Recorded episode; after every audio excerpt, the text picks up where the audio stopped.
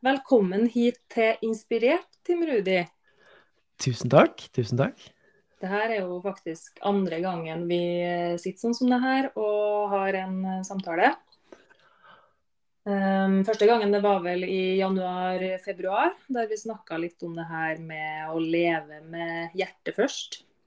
Ja, det var det det ble til. Det var det vi endte opp med å snakke mye om. Ja, det var en veldig fin samtale som har fått veldig mye gode tilbakemeldinger på. Så det er artig. Åh, det er kjempegøy. Mm. Og um, jeg hadde jo utgangspunktet ikke tenkt å lage noen flere podkaster før over sommerferien. Uh, men så er jeg i en sånn uh, fase sjøl der jeg driver og kartlegger vanene mine og uvanene mine og prøver å gjøre noen endringer. Eh, og så kom jeg jo inn på det her som eh, dere holder på med, det med vaner. Og da ble det litt artig å lage en eh, podkast nå for ferien som kanskje folk kan kose seg med på øret mens de ligger på stranda og nyter en pina colada. Ja, Mm. det er kjempegøy. Mm. Jeg må, jeg må jo si at jeg brenner oppriktig for vaner. Mm. Og eh, hvis, jeg, hvis du tar meg i og så nerder skikkelig når vi prater sammen, så må du bare stoppe meg. Men det er jo et favorittema å få lov til å dele og snakke med deg om. Mm. Hva er det mm, Hva er det Hvis vi skal si først da, og være litt sånn grunnleggende, hva, hvordan kan vi beskrive hva vaner er for noen ting? Vi mennesker, vi bærer jo med oss en hjerne som Hvis den hadde vært påskrudd på alt vi opplevde hele tiden, alle sensorene, alle inntrykkene, så, så hadde vi blitt helt utslitt. Bare tenk på liksom, hvordan klærne ligger på huden, hvordan fargene treffer deg, hvordan konturene av ting ser ut, valgene du tar når du flytter hendene dine, hvilken hånd du bruker til å åpne en skuff. Så i det så lager hjernen snarveier for oss, sånn at vi kan spare energi. Mhm. Og de snarveiene, de, de blir da vanene våre. Når det blir automatisert, så gjør vi det som om hjernen vår faktisk sover. Så når de, når de har gjort forskning på, på rotter mm -hmm. eller mus, eh, så har de da eh, måler de, har de masse sensorer i hjernen på musen, og så lar de få komme inn i en labyrint. Og så skal de f.eks. finne vei eh, til en dør, og så skal de trykke på en knapp, og når døren åpner seg, så får de noe godt å spise. Mm. Og det de så da, det var at i starten så var det veldig høy aktivering. Du kan se for deg en sånn graf som går opp og ned, opp og ned, opp og ned. Eh, og så gjentok de dette her, og mellom en 20 og 40 forsøk så begynte hjerneaktiveringen å bli redusert. Mm. Og på de siste forsøkene så kunne du se da at det var helt rolig. For da hadde da musen automatisert det og brukte ikke lenger kognitiv kapasitet på å finne veien og på å åpne døren. Mm. Og sånn er det for oss mennesker òg. Ca. 40% av alle valgene vi tar hver eneste dag, er vaner. Automatiserte En automatisert atferd eller en oppførsel som du har gjort en gang, og som du føler at du har lykkes med, og som hjernen sier OK, men da skjønner jeg hvordan det skal være, så da bare fortsetter vi å gjøre det. Mm. Ja, det er lett å kjenne seg igjen i det. ja. Og så, og så er jo det som jeg, jeg syns er så spennende med det, nå jobber jeg mye med utvikling av ledere, medarbeidere, og jobber mye med mentaltrening én til én. Mm. Og det, det som jeg tror, da, er at vi går litt i fellen av å, å snakke om, altså å skape kunnskap om hva endringen skal være, eller hvordan skape endring. Men uten å hensynta at vi mennesker, vi er så komplekst satt sammen at hvis jeg hadde bedt deg om å pusse tennene med feil hånd, da Mm. sånn, Eller for damer, for eksempel, så børster du hånden på en viss måte med én hånd hver morgen. Hvis jeg hadde snudd opp ned bare på den enkle tingen, så hadde du kjent på masse motstand, og du hadde blitt irritert og frustrert i lang tid før du hadde klart å automatisere det. Mm. Så det er kanskje Jeg har kanskje opplevd det sjøl. Jeg har fått et sånt veldig sånn sterkt forhold til vaner, og skjønt at jeg må gå mye dypere enn å bare forstå at det er lurt å gjøre en endring, og bare forberede meg på motgangen. Jeg må faktisk gå litt sånn detaljmessig til verks. Mm. Det er det jeg er litt nysgjerrig på. da, fordi at eh, Det sies jo at vi menneskene er vanedyr, og at vi går på autopilot. og Det er jo det du bekrefter, du òg. Eh, og så tenker jeg at hvis vi skal gjøre noe endring, så må vi jo se en nytteverdi i det. Fordi det vil gjøre vondt, og det vil oppleves eh, vanskelig. Så da må det jo være en grunn til at vi eventuelt skal fjerne uvaner eller tillegge oss nye, da. Ja, jeg tror det er lurt. Uh, det å bruke tid på å skape mening. Det å mm. gå, gå, dypt ned i hvorfor skal jeg gjøre den endringen. Hvorfor er det her viktig for meg? Uh, det vil forankre det mer. Mm. Uh, sånn at når, når, du skal gjøre denne tingen som er nytt, da, så kan du minne deg sjøl på når du blir frustrert fordi det er vanskelig, eller fordi det blir noen barrierer. Mm. Så kan du minne deg sjøl på at jo, men jeg gjør dette her for mitt beste, eller for familien sitt beste, eller for arbeidsplassen sitt beste. Mm. Jeg satt jo og reflekterte litt i går kveld over det her, og prøvde å liksom definere eh, hva er vaner. Og jeg ser på det som små brikker da, som til sammen utgjør det store bildet, som til slutt er egentlig hele livet mitt. Mm. Og jeg ser at når at jeg eh, klarer å ja, endre vanene mine til det som jeg tenker skal tjene meg vel, så opplever jeg en større grad av Kanskje ikke en større grad av lykke, men av, hyppigere, kanskje. Flere drypp av lykkefølelse. Ja. Hvordan da? Hva er et eksempel på det? Et eksempel på det. Nå har jeg um, hatt en uh, treningsplan de siste 13 ukene, for jeg har vært en skikkelig sløv. og hvis jeg ikke trener, så sover jeg dårlig, opplever mye mer stress. Uh, ja, rett og slett bare dårligere sjølfølelse. Så da satte jeg meg ned og laga en plan over hvordan jeg skulle trene de neste 13 ukene. Og da var det liksom sommerferien som var destinasjonen, da. Mm. Og det har jeg egentlig klart eller jeg har ikke egentlig, jeg har klart å holde meg til den planen. Og for hver eneste økt jeg har gjort, så går jeg og setter et kryss på den der planen min. Og jeg bare kjenner at jeg liksom får en sånn godfølelse, da. Ja. Og det med at eh, jeg klarer å holde fokus på jobb, sove godt, jeg klarer å holde stressnivået ned, generelt uh, har det bedre med meg sjøl, da. Det er jo ett eksempel. Ja, og det som er så kult med det du beskriver og det, det, var litt grunnen til at jeg hadde lyst til å bare spørre om å få et eksempel. fordi at når du gjør det du gjør, og for hver gang du setter et kryss, mm. så skaper du en setning i hodet ditt mm. som er noe sånt som at 'jeg er en person som trener'. Mm.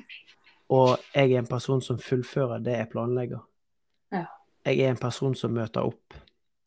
Og det er så viktig. Mm. Uh, og det er kanskje noe av det viktigste budskapet jeg har når folk spør meg liksom, hvordan skal jeg starte med å endre vaner. Så det er sånn Ta det du ser for deg at du har lyst til å gjøre, og så bare del det på ti gjør det så lite som mulig, at du kan få den mestringsfølelsen, at du kan få den gleden av å bevise for deg sjøl at jeg er en person som gjør det som jeg har lyst til å gjøre. Mm. En av de største feilene vi gjør, er at vi tenker at vi skal begynne å trene, og så skal vi være på trening i en og en halv time første dagen. Mm.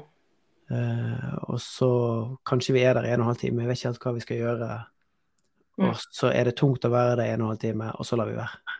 Mm. Jeg tenker Det er jo veldig lett å knytte, når man snakker om vaner og uvaner, så er det jo veldig lett å knytte opp imot sånne ting som trening og kosthold og snusing og røyking og sånne type ting. Da. Men jeg syns det er veldig interessant å tenke på det opp imot uh, atferd. Mm. Uh, jeg leste en artikkel her om uh, hvilke type vaner eller atferdsvaner har folk som uh, ja, som er lykkelig, da, eller hvilke vaner man burde ha for å være mer lykkelig. Ja. Og det var litt interessant, for det gikk mer på sånn type eh, det å være raus med andre, eh, det å være vennlig mot andre, eh, tilgi andre og sånn type ting. Da. Og da, da, begynte jeg å tenke litt mer på ja, å, å gå litt dypere i kartlegging i, i, mine vaner på jobb sammen med andre. Og, og den type ting. Og det syns jeg var litt uh, artig å lese om. Og jeg tror ikke det er så veldig utforsket enda, akkurat med hvordan si, den forskningen vi har på vaner, som akkurat som du sier, det er så lett å ta til de dagligdagse tingene som vi har lyst til å endre. Mm. Men du kan jo bruke den som modell for å tenke på eller snakke om hvordan, hvordan responderer jeg når, når jeg får kritikk, Eller hvordan, hvordan hilser jeg på noen når jeg kommer på kontoret? Mm. Eh, hvem er jeg i, i møte med vanskelige problemstillinger? Altså Mm. det, det å automatisere den neste tanken Mm. er jo òg en vane. Ja, hvordan regulerer ungene mine f.eks.? Hvordan responderer jeg når eh, jeg blir trigga av noe de sier eller gjør? Yes. Eh, Sånn type ting det syns jeg er minst like spennende å tenke på som det med ja, trening, røyking, snusing osv. Og så bygger jo det ofte på det samme signalet. Altså ikke samme signalet, men det signalet som kommer først. Så når du står på kjøkkenet og hen eh, er opptatt med å lage middag og tømme oppvaskmaskinen, og så har du en unge som står og drar i deg, eller noen som spør og maser, Mm. så er jo det et signal på noe som du har blitt vant til, og så kommer atferden din, som kanskje er å bli fyrt opp. Mm. Sant? Du blir stresset, og så blir du fyrt opp, og så kjefter du. Mm. Og så er belønningen at det blir rolig. Men så er det ikke den atferden du egentlig ønsker å ha. Kanskje det er noe annet. Mm. Og kjefting fungerer jo aldri, Nei, det gjør jo ikke det. faktisk. Men eh, hvordan tenker du at man kan eh, gå frem for å bli mer bevisst på egne vaner, eh, kartlegge vanene sine? Det er en veldig eh, enkel oppskrift på Hvis man er nysgjerrig på hva vaner har jeg i dag, og ikke har et bevisst forhold til det, det å faktisk lage seg en liste og kartlegge stegene som man gjør. Dette kan bli ganske omfattende, da, men la oss si at du har lyst til å kartlegge hvilke vaner du har på morgenen. Så skriver du ned alle de stegene som du gjør fra du står opp til du går ut døren. Og så setter du et plusstegn bak det du gjør som du syns er bra, og som tar det nærmere det du ønsker. Og så kan du sette et minustegn på det som du tenker at det er ikke noe særlig god vane. Mm. Så, så det har ikke jeg lyst til å fortsette med. Så kan du sette bare en strek eller en nulltegn der det er nøytralt. Det kan bare være. Og da får du et forhold til alle de tingene som du gjør, og så får du òg et bilde av hvordan de ulike tingene påvirker deg. Mm. Og så begynner jo det å bestemme seg for hva du har lyst til å gjøre, og det er jo veldig individuelt. Mm. Når vi har hatt en eh, vi har hatt et sånt vaneprogram nå i vår. Du, bare unnskyld meg litt, så skal jeg bare ta et batteri fra hunden min som han begynner å spise nå. Mm. Gi meg tre sekunder.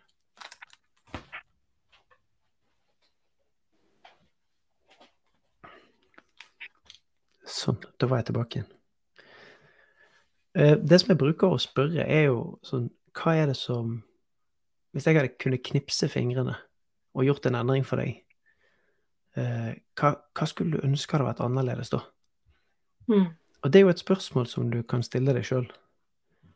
Og så får du kanskje ett svar, og så gjelder det å være nysgjerrig på om det svaret er det riktige svaret. Og jeg skal, jeg skal komme med et eksempel. Fordi at når vi begynte med dette vaneprogrammet eh, tidligere i vinter eller i vår, så hadde jeg et ønske om å få bedre morgenrutiner. Mm. Det var det, det var det første eksempelet mitt. Jeg skal liksom, jeg har lyst til å ha mer tid på morgenen. En er jo til meg sjøl, starte dagen rett. Eh, begynne med riktig intensjon og energi. Mm. Så jeg trodde jo at vanen min var å stå opp tidligere og skape det programmet. Mm. Og når jeg deler det her, så er det òg viktig å understreke at det er ikke en bein linje mellom der du starter og så er vanen etablert. Du må òg kreve litt sånn prøving og feiling. For jeg bommet på min inngang. Eh, Det som det egentlig viste seg, var at jeg måtte endre vanene mine på kvelden. Mm. Så jeg måtte endre når skrur jeg av TV-en, eller når slutter jeg å spille PlayStation, eller når legger jeg fra meg telefonen, og når begynner kroppen min å kjenne på trøtthetssignalene. Sånn når kroppen og hjernen er fylt opp med nok av de stoffene som gjør at du blir søvnig, OK, det må jeg begynne å lytte til, og så må jeg begynne å roe ned, og så må jeg sørge for at jeg legger meg sånn at jeg får sove. Så min vane handlet egentlig om alt som skjer før jeg treffer puten. Mm. Fordi at du sto opp for seint som en følge av at du hadde kommet for seint i seng, da, eller? Ja.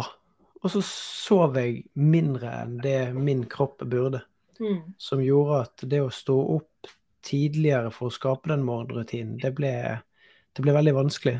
For dette, jeg var jo trøtt og tung i hodet. Så jeg fikk jo ikke utnyttet den tiden sånn som jeg hadde lyst til. Ikke sant.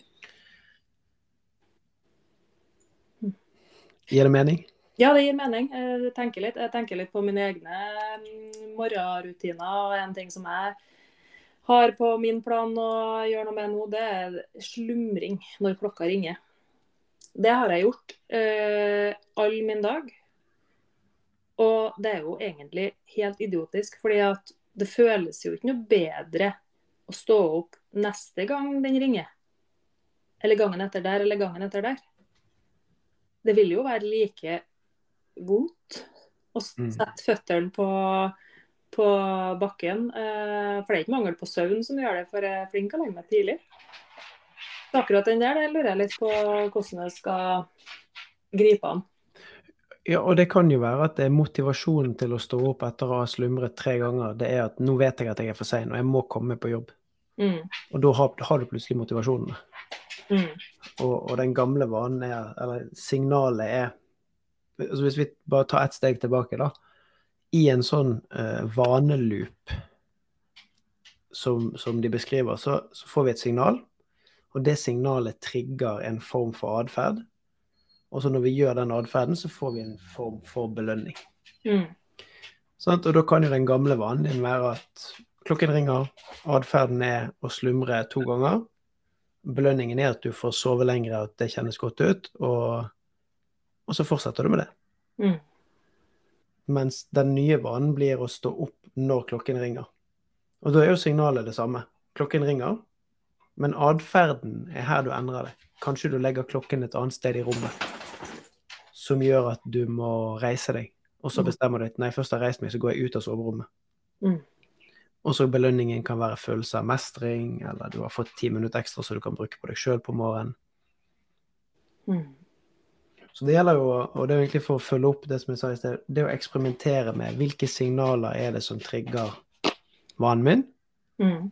Eh, få kontroll på det. Når er det på dagen det skjer? Hva er det som, hva er det som sier at nå er det dette jeg skal oppleve? Og så er det hva er det jeg faktisk gjør? Og så er det veldig gøy å eksperimentere med belønningen. ja. Hva gjør du sjøl, da?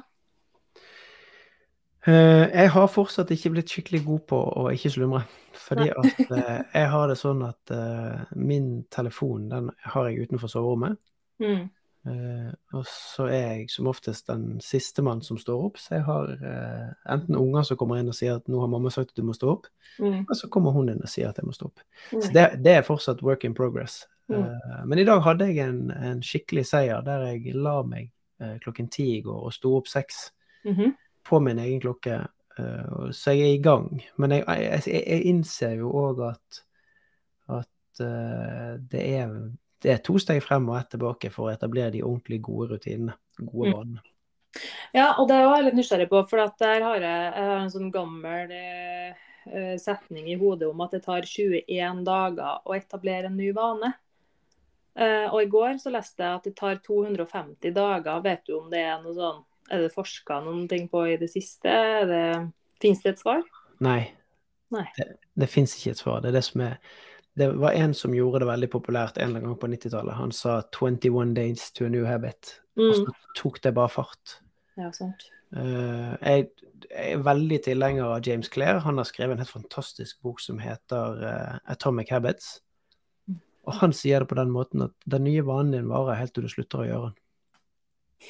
Ja. Og, og det er jo så sant, og det er jo så enkelt. Eh, men så er det noen nyanser i det. Sant? Når er det du ikke lenger bruker hjernekapasitet på det? Mm. Og det er veldig individuelt. Eh, det å det å slutte å snuse kan for deg ta 14 dager, men for en annen person så kan det ta et år. Mm. Vi vet ikke. Eh, og i, i forskningen så, så er de avstandene så store at det fins ikke et absolutt tall på det. Mm. Det kommer an på hvilken type vane det er, hvordan atferden er, hvordan du opplever belønningen, hva det erstatter. Ja. Mm. Ja, ikke sant. For jeg tenker jo litt sånn at øhm, øhm, hvis jeg skal etablere Eller hvis jeg skal fjerne en uvane, så innbiller jeg meg at det blir lettere hvis jeg erstatter det med en annen vane. Mm. Det er helt riktig. Ja. For du kan ikke slutte å gjøre noe. Du må bare gjøre noe annet.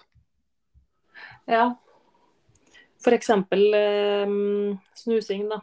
Hva skulle man ha gjort istedenfor, da? Spist tyggis? Ja, altså det fins jo Du kan jo ta snus som et eksempel, da. Mm. Det som er veldig interessant, er jo når er det behovet for snus kommer. Begynte, begynte kartlagt det, istedenfor at det bare er en vane at man putter snusen i munnen eh, med jevne mellomrom, og ventet på nå har jeg lyst på snus. Og så tatt ett steg tilbake og si hva var det som skjedde nå? Mm. Ble jeg stresset over noe? Fikk jeg en mail? Var det noe som skjedde? Eh, når du får kartlagt det, så kan det være lettere å si hva er det jeg skal gjøre istedenfor. Er, altså, for er det nikotin man trenger, eller er det vanen av å putte noe opp i lippen eller å spise noe? Mm. Eh, så der er jeg veldig sånn ydmyk i forhold til når folk spør meg om råd, så sier jeg det der må du faktisk bruke tid på å kartlegge sjøl. Mm. Jeg kan, jeg kan snakke rundt det og komme med generelle råd til hva som er lurt. Men for noen så kan det være pastiller, for noen så kan det være tyggis, for noen så kan det være eh, nikotinfri snus i en periode. Eh, for noen kan det være å ta ti pushups hver gang de får lyst på snus. Ja. Men Eh, der igjen da, så handler det om denne bevisstgjøringa. ja, Kutte autopiloten, rett og slett. ja. Jeg jobbet med en kar eh, i Forsvaret for mange herrens år siden som røykte mens han var soldat. Ja. Og han ville slutte å røyke, så han sprang seg en runde rundt eh, forlegningen hver gang han fikk lyst på røyk. Og tror jeg tok 20 pushups eller noe sånt. Okay.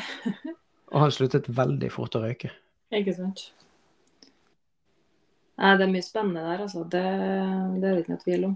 Men du jobber jo med dette her opp imot uh, både private, vil jeg tro, og bedrifter. Og hva, hva er det folk eh, som oftest kommer og trenger hjelp med, sånn, hvis man skal tenke på det her med vaner? Og det blir et veldig stort spørsmål, for det er så kontekstspesifikt. Mm. Eh, men jeg kan ta et eksempel som gjør det spesifikt. Da. Eh, når jeg jobber med Uefa-dommerne som vi har i Norge, altså de fire beste dommerne, Mm. eh, så er det et eksempel på en vane er når det har skjedd en forseelse på banen, Mm. og fløyten går. Hva er det som foregår på innsiden av kroppen til dommeren? Og hvordan reguleres eh, kroppen på innsiden? Så Mm. kanskje tidligere så har det vært sånn at når fløyten går, så har man blitt dratt opp sammen med lyden på fløyten og står veldig sterkt i situasjonen. Uh, mens vi har jobbet med vanen av at fløyten er et signal på å gå to skritt roligere. Lytte på sambandet, puste, og så gå inn i situasjonen. Eller komme med, med kortet. Et annet eksempel kan være plassering. Pga. at dommerne må plassere seg veldig etter hvor spillet er. Hva er det som er et signal på hvor henne du skal bevege beina dine før spillet faktisk går? Så da trener jo vi hjernen deres til å oppfatte signaler i spillet uten at de si, kognitivt tenker på det, og så begynner de å løpe i den lengderetningen. Mm. Eh, På, på ledelse, og det her, det her syns jeg er veldig interessant. Mm. Unnskyld. På ledelse så er det sånn at det er mange ledere som går på kommunikasjonskurs. Ja. Lærer seg å gi tilbakemeldinger. Og det er veldig mange som eh, formidler disse kursene. Og så er de tre dager på kurs, lærer seg å gi tilbakemeldinger, og så kommer de tilbake på arbeidsplassen, så gir de ikke en tilbakemelding. Ja, sant. Og dette har jeg jo sett data på i etterkant, etter at et program er blitt gjennomført. Hvor mange tilbakemeldinger har du faktisk gitt? Og svaret er veldig få. Mm. Men så begynner du å se på vanene. Og jeg skal gi noen eksempler. Uh, hvis jeg er en leder som aldri har gitt tilbakemelding før, Mm. de finnes det veldig mange av. Mm. Fordi at man ikke har trent på det, det har kanskje ikke vært en del av oppdragelsen, det er ikke sånn man har blitt ledet tidligere. Så det å gi alt ifra anerkjennende til veiledende tilbakemeldinger, det er ikke en ferdighet man har. Så hjelper ikke det å sitte på skolebenken og så komme tilbake på arbeidsplassen, fordi at de signalene eller triggerne som skal trigge den atferden, er ikke blitt bevisstgjort. Nei, sant. Og et av de viktigste stegene, som jeg sa i sted òg, når du ser på deg sjøl som en person som trener, Mm. så må man da se på seg sjøl som en person som gir tilbakemeldinger. Jeg er en leder som anerkjenner medarbeiderne mine. Mm. Og signalet er jeg anerkjenner dem når jeg ser det i handling, f.eks. Ikke sant. Og det jeg gjør, er at da kan oppskriften som man har lært på et kurs, komme frem. For da er det atferden. Da bruker jeg oppskriften, Og den belønningen jeg kjenner på, er, er den indre belønningen av å faktisk fremheve andre. Mm. Så det bruker vi mye tid på. Å faktisk gå i dybden på hva er det som skal til for at du skal fungere godt uh, i team og, og gi tilbakemeldinger eller kommunisere godt. Mm. Ja, Det var egentlig interessant, da, for jeg tror nok det står i um, altså vi har jo, De aller fleste av oss har jo typ medarbeidersamtaler, medarbeiderundersøkelser, lederundersøkelser. Og gjennom det får uh, egentlig mange nyttige tilbakemeldinger. da. Uh, men hvis vi ikke går tilbake og trener på det som vi skal bli bedre på, da vil det jo ikke ha noe uh, effekt. Nei. Og det òg er et område som jeg mistenker Eller jeg tror det er et stort potensial gjennom å snakke om det, sånn som på podkaster, og, og, gjøre det mer dagsaktuelt, det å snakke om vaner. Mm. Så kan vi òg begynne å snakke om hvilke vaner er det vi har i teamet vårt. Mm. Hva, er det, hva er det vi responderer på, eller hva er det vi gjør på automatikk som vi egentlig ikke er bevisst? Mm. Fordi at jeg tror at det er akkurat den samme forskningen som gjelder for individer, eh, kan overføres til team. Det kan overføres til avdelinger, det kan eh, overføres til organisasjoner. For vi har disse her automatiserte responsene eh, på et signal, og så gjør vi noe. Mm. Hvordan, hvordan, responderer vi når salget går ned i vår organisasjon? Og vi, vi stopper alle kostnadene. Alle er veldig kostnadsdrevet. Mm. Eller hvordan responderer vi på at det er noe i ordrelinjen vår? Produksjonen funker ikke. Eller hvordan møter vi problemstillinger? Mm. Uh, individuelt så kan vi ha et, et ulikt responsmønster uh, på det, men kollektivt så skjer det noe. Mm. Det, har jeg, det, har jeg, vært nysgjerrig på en god stund og gjort meg mye tanker om, jeg tro, og jeg tror det er spennende. Ja, ja. Uh, og jeg har jo vært litt, vært litt sånn Kanskje litt frimodig. Ikke frekk, litt frimodig. Og ment noe rundt det her med når vi gjør alle disse store utviklingstiltakene, mm. uh, så glemmer vi uh, individet som tilhører en gruppe, og gruppen som skal gjøre det vi går ikke dypt nok ned for å faktisk sikre at endringen blir gjort, og blir gjort på en måte som både kjennes godt og gjør den varig. Mm. Jeg tror det er et massivt potensial. Ja, det tror jeg òg, når du sier det på den måten. For uh, hvem vi er i gruppe, det vil jo, og hvordan vi responderer, det vil jo uansett handle til syvende og sist om hvem vi er som personer, og hvordan vi individuelt responderer. Mm. Og jeg tror vi vi bruker veldig mye tid på utviklingstiltak som ikke bærer frukter. Mm. Fordi at all den kunnskapen ikke Vi klarer ikke å omsette den i, i hverdagen godt nok. Ikke sant. Hvordan kan man gjøre det? Jeg, jeg tror det er å tørre å bryte opp temaene med. Ja. Det kan godt være at jeg er litt kontroversiell nå, men det her er i hvert fall noen tanker som jeg har. La oss til tradisjonelt lederutviklingsprogram mm. settes opp som tre eller fire moduler over et år, og så er det tolv tema. Mm. Og så går det et år, og så har det vært veldig kjekt å være på programmet, og vi har lært mye og blitt bedre kjent, og vi fungerer egentlig bedre og forstår hverandre bedre. Mm. Men de tingene som vi har snakket om som vi ønsker å ta inn i hverdagen, der er det en marginal endring. Ja. Så det å tørre å si at men denne endringen som vi ønsker å skape, den kan ta tre til fem år, den. Og så tar vi, tar vi ett tema i ett år. Og så møtes vi oftere, men kortere. Mm. Og så finner vi den minste graden av endringen som vi faktisk kan leve i hverdagen med. Mm. Og Der kommer en, eh, et, direkt, et verktøy, eller et råd, som, som jeg låner med stolthet fra James Clair. Og han kaller det for tominuttsregel. Uh, og han har lånt den av noen andre igjen.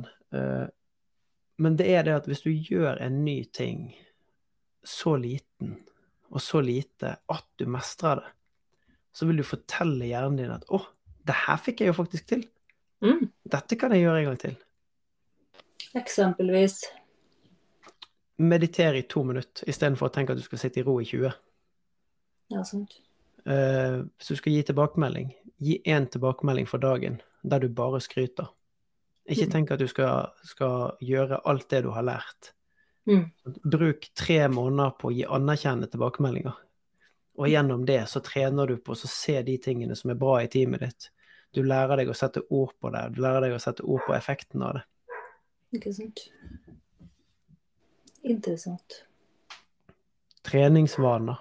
Mm. Du blir, du blir ikke supersterk av å ta 20 pushups én gang. Nei. Men du blir ganske sterk hvis du tar fem pushups hver dag i et helt år. Mm. Og så etter hvert så kan du øke. Kanskje et år er litt lenge, da. Mm. Men, men poenget er at gjør det så lite først at du føler at du mestrer det, og at du begynner å identifisere deg med en person som gjør det. Og deretter så kan du øke vanskelighetsgraden. Mm. Sånn at øke lengden på det, øke kompleksiteten. Sånn at du hele tiden føler at du er et sted der du strekker deg sjøl, Mm. men samtidig opplever at det her er noe jeg får til. Sant. Da er vi jo inne på det her med prosesser igjen, og det, det syns jeg er veldig spennende når vi snakker om det her med lederkurs og sjølutvikling og sånne ting. At man er på en, en happening, og så lærer man noen ting, og så varer kanskje følelsen av det i et par døgn. Eh, og så glemmer man hele greia. Mm. Men hvis du går inn i organisasjoner og jobber med dem, da, Tim, er det sånn at du da jobber med dem over lang tid, eller, eller er du inn og lærer dem hvordan de skal trene på det her, eller hvordan gjør du det egentlig? Det avhenger egentlig veldig på et type oppdrag. Mm. Uh, og så har det her som vi snakker om nå, det er ganske, det er ganske ferskt for meg òg. Det er Mm. kanskje bare det siste året at jeg har blitt mer bevisst det, fordi at jeg har sett at mange av de tingene som vi har gjort, og som vi har trent f.eks. store kommuner i, Mm. så er det ja, det er en andel av de som er der, som får utbytte. De som velger å ta det med seg.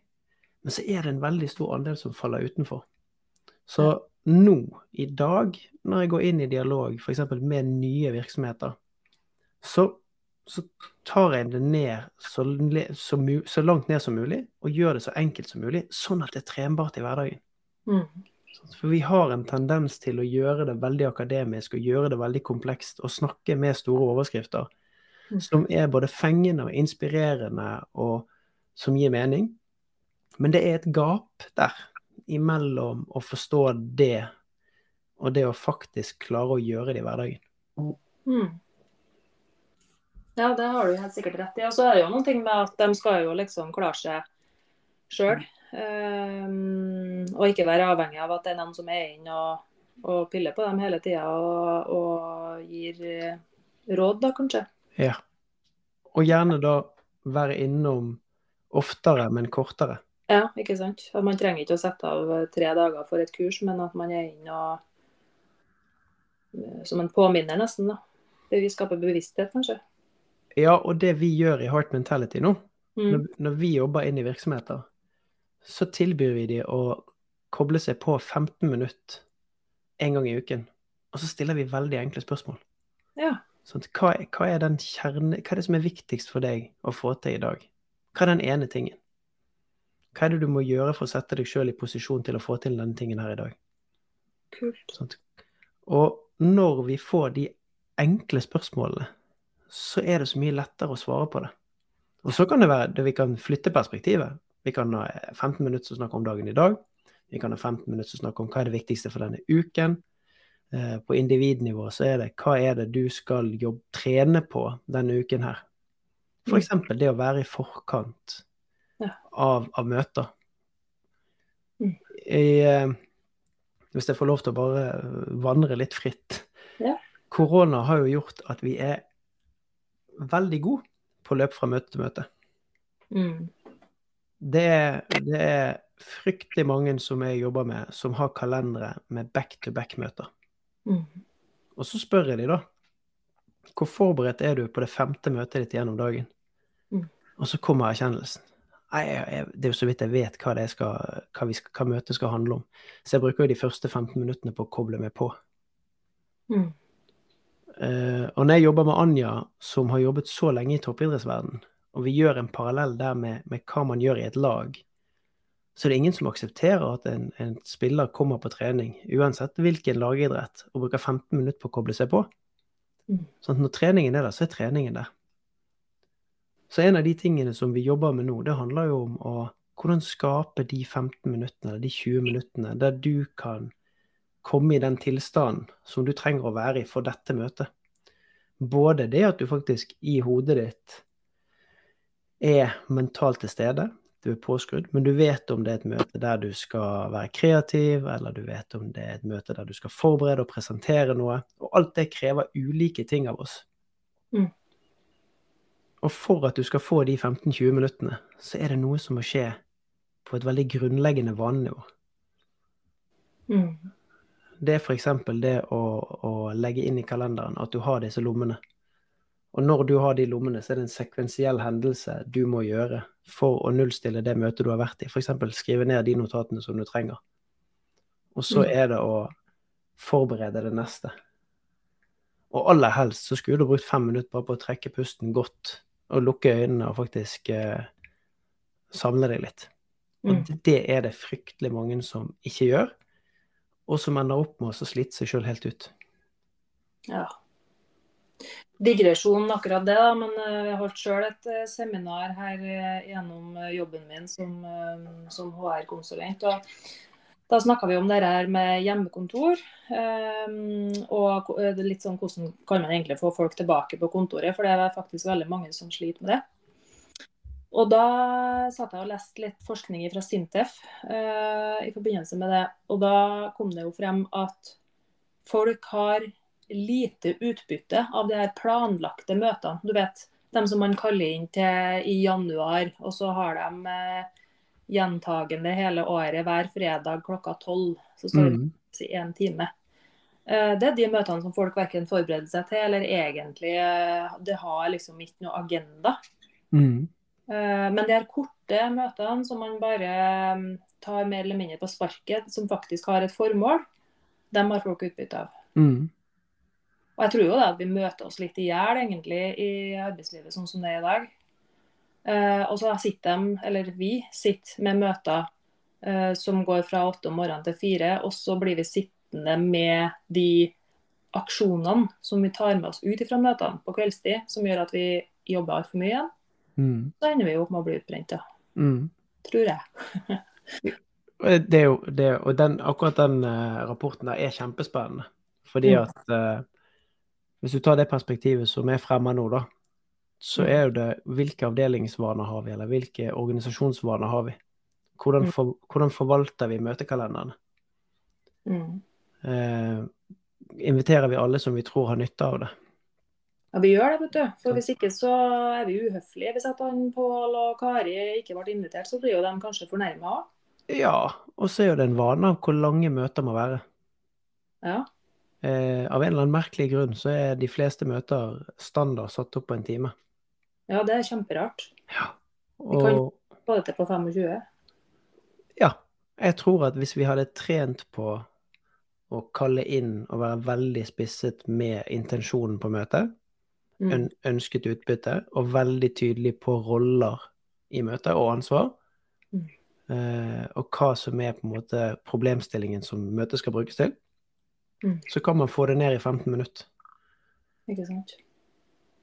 Og da er vi jo tilbake til det der med vaner igjen, da, og, og vaner i organisasjonen, egentlig. Men der igjen, da, å skape bevissthet rundt det, tror jeg er kjempeviktig.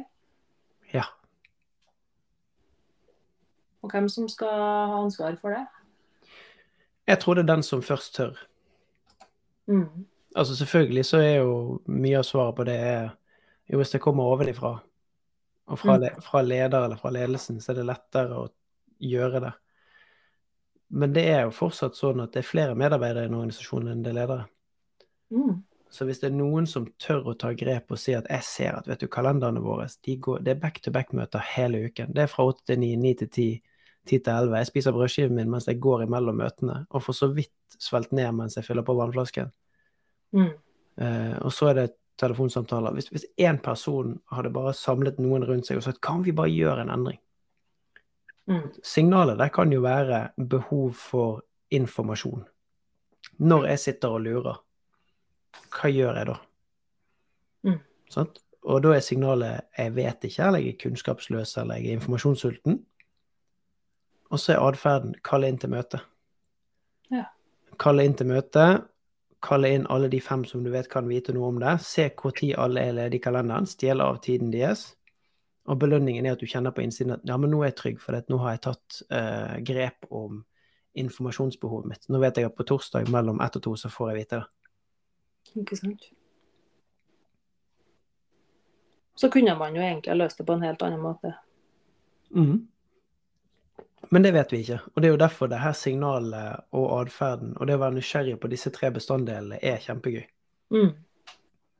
Hvorfor gjør jeg det jeg gjør? Det, hvilken belønning er det jeg er ute etter eh, når jeg gjør det jeg gjør? Ja, det er spennende å tenke på. Og da må man jo begynne å kartlegge igjen, da. Ja. Og så når man har kartlagt det, så f.eks. at jo, jeg merker at jeg føler på trygghet når jeg har kalt inn. Eller jeg føler på trygghet når jeg forstår. Så kan jeg spørre, fins det andre måter at du kan få trygghet på? Mm. Hvilken annen type atferd er det som kan sikre deg den tryggheten? Ja. Nei, det er mye spennende innenfor den uh, verden der, det er det ingen uh, tvil om. Men uh, nå er vi jo veldig mange på tur ut i en velfortjent sommerferie. Eh, mange skal kose seg i inn- og utland med familiene sine og forhåpentligvis finne roa. Eh, kanskje har de litt ekstra tid til å tenke på nettopp det med vaner. Hvordan vil de gjøre ting når de kommer tilbake fra ferie. Hvis du skal komme med noen sånne gode tips til dem som hører på, Jeg brenner veldig for at folk ikke skal slippe vanene sine fordi at vi går over til juli. Mm. Um, og med det så mener jeg at de gode vanene du har, som fungerer i hverdagen, ta de med deg inn i ferien. Fordi at de fungerer godt i hverdagen av en grunn. Mm. Um, det er alt ifra trening, det er alt ifra mat, det er, det er når vi står opp, det er når vi legger oss. Og det kan høres ganske kjedelig ut. Ja. men, men vi, vi, gir oss ikke vi gir oss ikke sjøl noen Vi gir oss en bjørnetjeneste, da. Mm. Med å kaste alt, og så vente til august, og så må vi begynne å ta skippertak. Mm. Eh, det er det ene. Og så innser jeg at eh, det er kanskje et større lerret å bleke. Mm. Eh, men jeg tenker at hvis vi tar utgangspunkt i noen av de tingene som vi har snakket om rundt det fundamentale med vaner, mm. Og man har lyst til å endre noe til høsten, eller man kjenner at det er noe som, som er at det her har jeg lyst til å ta tak i, jeg skal bare vente sommerferien er ferdig, så begynn å, begynn å gjøre betraktningene rundt det. Hva er det, hva er det denne vanen skal gi meg? Hvorfor er det her viktig for meg? Mm. Eh, hva er det den nye vanen skal være? og beskriv det i detalj. Og så er det å, kartlegge det du allerede vet i dag. Uh, og så er jeg veldig glad i å bruke ferien til å faktisk trene på de tingene som du har lyst til skal skje. Mm. Uh, jeg hadde en som, som, tok kontakt, og som trengte noe råd. Og sa ja, men bare, bare ferien blir ferdig, så kan jeg ta tak i det. Ja. Uh, og da spurte jeg hva er grunnen, hvorfor det? Fordi at når du har ferie, så er jo det ingen arbeidsgiver som legger beslag på oppmerksomheten din mellom åtte om morgenen og fire på ettermiddagen. Mm. Så det er jo en perfekt anledning til å faktisk bruke den tiden til å etablere det du ønsker. Mm. Og mange som spør meg om vaner, så handler det om ro, balanse og fokus. Mm. Jeg skulle så veldig gjerne lest litt mer, eller jeg skulle så veldig gjerne funnet roen til å bare puste litt med magen. Eh, jeg skulle ønske at jeg kunne vært mer til stede. Jeg skulle ønske jeg kunne brukt mobilen mindre. Jeg skulle ønske jeg kunne sett mindre TV. Jeg skulle ønske jeg kunne trent mer. Mm. Og jeg vet jo ikke om det, om det, fungerer som et godt råd, men min, min, inspirasjon handler jo om å begynne å gjøre de tingene når du faktisk har mye mer albuerom. Ja. Uh, og så hører jeg noen motvendinger til det. Sånn Ja, men da er det liksom, da er vi på ferie, og da er det unger, og Ja. Mm. Men det er likevel Det er det jo på andre sida Det er det jo på andre sida av ferien òg. Ja, men du kan ikke sende de av gårde på barnehage, skole, SFO, og så mm. gå på jobb. Så jeg tenker at kanskje, kanskje jeg kan utfordre litt Mm. i akkurat den tanken der. Hva er det du faktisk kan gjøre eh, allerede i dag, eller allerede i morgen? Eh, og så enkelt som å bruke tominuttsregel i løpet av ferien. Hva er det du kan gjøre hver dag i to minutter som forsterker det bildet av den personen du ønsker å være? Supert. Tusen takk for eh, gode mm, råd og tips, Trim Trym Rudi. Og nok en gang, takk for at du ville være med på podkasten Inspirert. Å, tusen takk for at jeg fikk bli med. Så håper jeg at du får en fantastisk ferie. Og kanskje du klarer å slutte å slumre om morgenen, du òg. Ja, vi skal i hvert fall øve på det til høsten. Tusen takk det samme. God ferie. Takk i like måte.